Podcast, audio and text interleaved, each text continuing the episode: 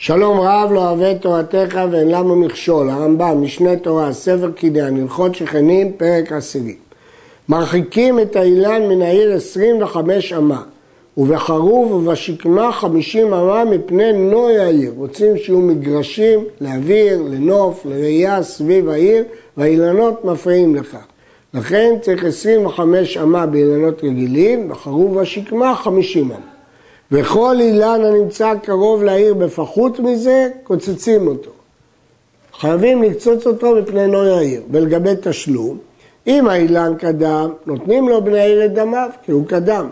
ואם היה הדבר ספק ולא נדע איזה מהם קדם, אין לו לבעל האילן דמים, מספק המוציא מחברו עליו הראייה, אלא נוטל עצה והולך.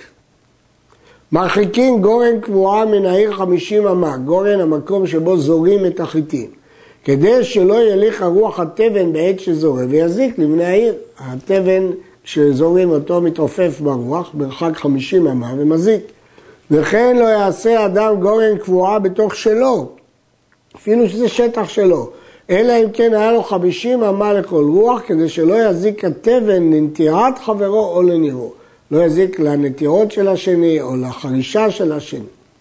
מרחיקים את הנבלות ואת הכברות ואת הבורסקים מן העיר חמישים אמה, כי כל אלה יש להם ריח רע ונזק מעיבוד האורות וכדומה. ואין עושים בורסקי שמאבדים באורות, אלא למזרח העיר, פני שרוח מזרחית חמה וממעטת היזק ריח עיבוד האורות.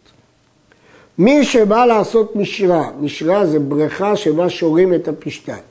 מי שבא לעשות משרה של פשתן בצד ירק של חברו, שהרי מי המשרה נבלעים בארץ והולכים ומפסידים הירק, או שנטע כרישים קרוב מן הבצלים של חברו, שהם מפיגים טעמן, או שנטע חרדל בצד כוורת דבורים, שהרי הדבורים אוכלים מעלים ומפסידים הדבש, גרם נזק לדבש.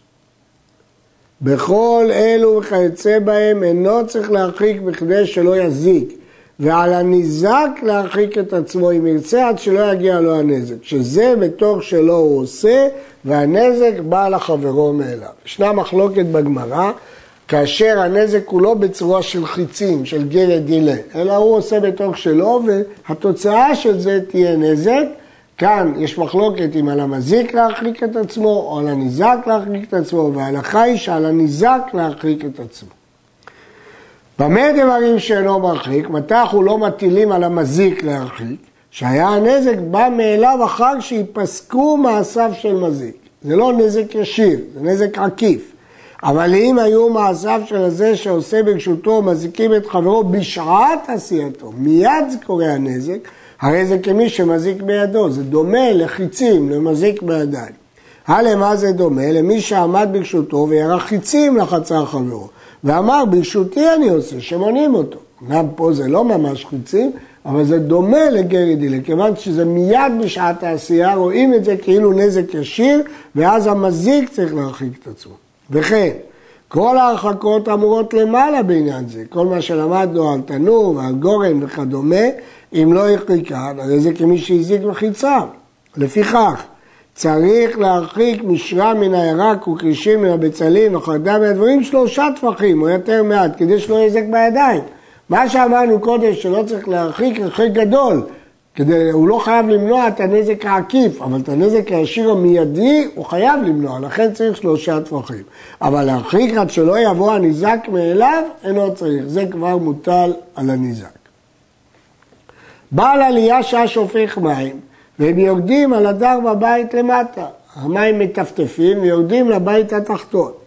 אם הייתה שם מעזבה בין הבית לעלייה, שהמים קלים בה בעת שפיכה, ברגע שהעליון שופך הם לא נוזלים, לא מטפטפים.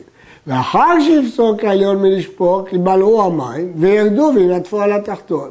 כלומר, זה לא קורה באופן ישיר, אלא באופן עקיף, אחרי שהוא גמר. צריך התחתון לתקן ולהרחיק את עצמו מנזק, על הניזק להרחיק את עצמו.